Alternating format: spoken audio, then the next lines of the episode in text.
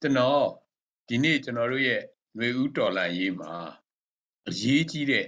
ကျမ်းမာရေးအခန်းကဏ္ဍနဲ့ပတ်သက်ပြီး website internet ကနေတဆင့်လှူဒန်းနိုင်တဲ့အစီအစဉ်ကိုပြောကြားပေးသွားမှာဖြစ်ပါတယ်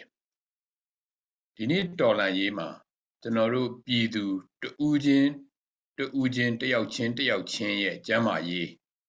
generation Z တွေရဲ့ကျမ်းမာရေး PDF တွေရဲ့ကျမ်းမာရေး CDMR တွေရဲ့ကျမ်းမာရေးပါဝင်နေကြတဲ့တော်လှန်ရေးတပ်သားတွေတိုင်းရင်းသားတွေအားလုံးရဲ့ကျမ်းမာရေးဟာ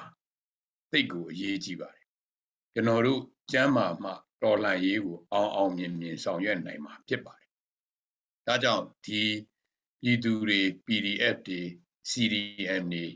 အားလုံး ကျန်းမာရအောင်အားလုံး COVID-19 နဲ့ပတ်သက်ပြီးကာကွယ်ဆေးထိုးနိုင်အောင် COVID-19 ကိုကာကွယ်ဖို့အတွက်ကာကွယ်နိုင်ဖို့အတွက်ကျွန်တော်တို့တွေစီစဉ်ဆောင်ရွက်နေပါတယ်နိုင်ငံတကာနဲ့စီစဉ်ဆောင်ရွက်နေသလိုပြည်တွင်းမှာလည်းပြည်ပြည်တွင်းပြည်ပပြည်သူတွေရဲ့အားနဲ့ဆောင်ရွက်လျက်ရှိပါတယ်။ဒါကြောင့်အခုလိုမျိုး ကျန်းမာရေးစီစဉ်ဆောင်ရွက်နိုင်ရန်အတွက်ယခုအခါမှာဒီကျန်းမာရေးဝန်ကြီးဌာနအမျိုးသားညီညွတ်ရေးအစိုးရရဲ့ moh.nug myanmar.org ကနေတဆင့်တော်၎င်း myanmar-relief.com ကနေတဆင့်တော်၎င်း brighterfutureuk.org ကတဆင့်တော်၎င်းလှူဒန်းနိုင်တာဖြစ်ပါတယ်တကယ်တော့ဒီ2021ຫນွေဦးတော်လှန်ရေးမှာကျွန်တော်တို့တွေဟာကဘာပေါ်မှာတကဘာလုံးကြုံတွေ့နေရတဲ့ COVID-19 ရဲ့အန္တရာယ်အပြင်လူမဆန်စွာရက်ဆက်ယုံမာပြီးတော့အကြမ်းဖက်နေတဲ့ပြည်သူတွေကို တပ်ဖြတ်နေတဲ့ညှင်းဆဲနေတဲ့ညှဉ်းပန်းနေတဲ့ပြည်သူတွေကိုမတရားသဖြင့်ဖမ်းဆီးပြီးတပ်ဖြတ်နေတဲ့ပြည်သူတွေရဲ့အိုးအိမ်တွေကိုမီးရှို့နေတဲ့ဒေရင်မြန်နဲ့ဘုံကျဲပြီးတိုင်းရင်းသားတွေပြည်သူတွေကိုတပ်ဖြတ်နေတဲ့စစ်အာဏာရှင်အကြမ်းဖက်လူတပ်သမားတွေရဲ့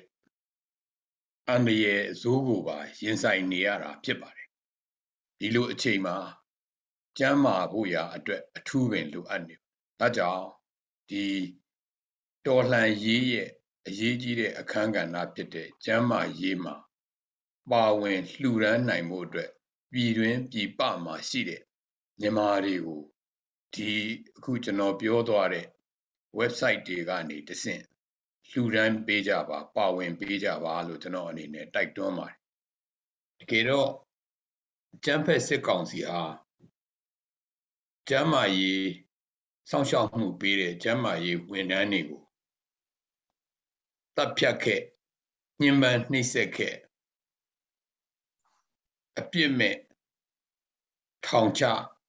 အရေးယူခဲ့တယ်လို့သူတို့ဟာကိုဗစ်ယောဂါကို